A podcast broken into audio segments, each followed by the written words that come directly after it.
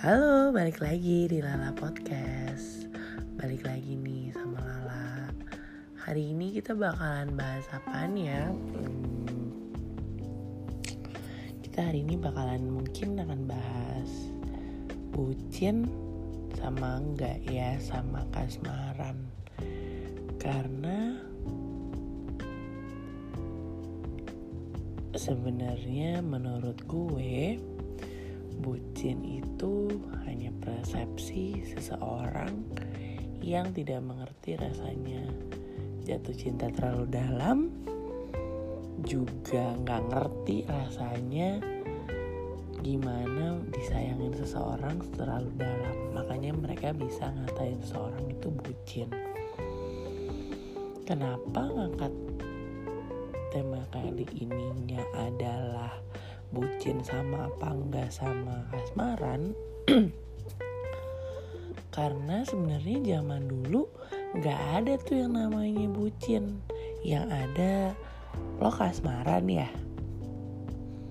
Nah kalau yang sekarang mungkin lebih terlihat hmm, sadis kali ya dibilang budak cinta. Padahal sebenarnya dia kan tidak terbudaki oleh cinta, tapi dia memaksimalkan apa yang dia punya untuk diberikan sama pasangannya. Wah, podcast pertama gue berat juga ya, lumayan. Cinta sama dengan budak cinta sama dengan asmaran gak ya? ya gue sih menganggap bahwa budak cinta itu kasmaran kalau zaman dulu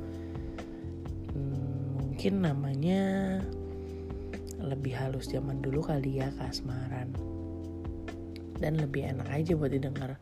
Kalau sekarang konotasinya jadi negatif nih ketika udah jadi budak cinta. Padahal sebenarnya untuk jadi budak cinta itu butuh effort yang tinggi butuh effort yang sangat banyak. Dan sebenarnya gue adalah orang yang setuju bahwa bucin itu adalah hal baik. Karena lo bisa mencintai seseorang bisa mencintai pasangan lo semaksimal dan semampu lo. Dan lo akan mengusahakan apa pun buat orang yang lo sayang itu bahagia. Dan menurut gue cinta itu memang harus seperti itu. I don't mind someone calling me budak cinta atau bucin I don't mind. Sampai one day ada orang yang selalu bilang sama gue gila lah lo bucin banget. Dan gue dari situ mikir emang bucin itu ada kadarnya ya? Atau memang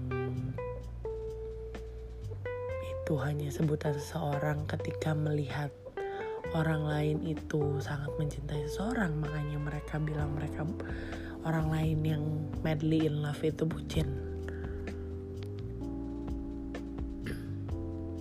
dan buat gua jadi bucin itu nggak salah. Ayo jadi bucin yuk. Sampai ketemu di podcast Lala selanjutnya. Bye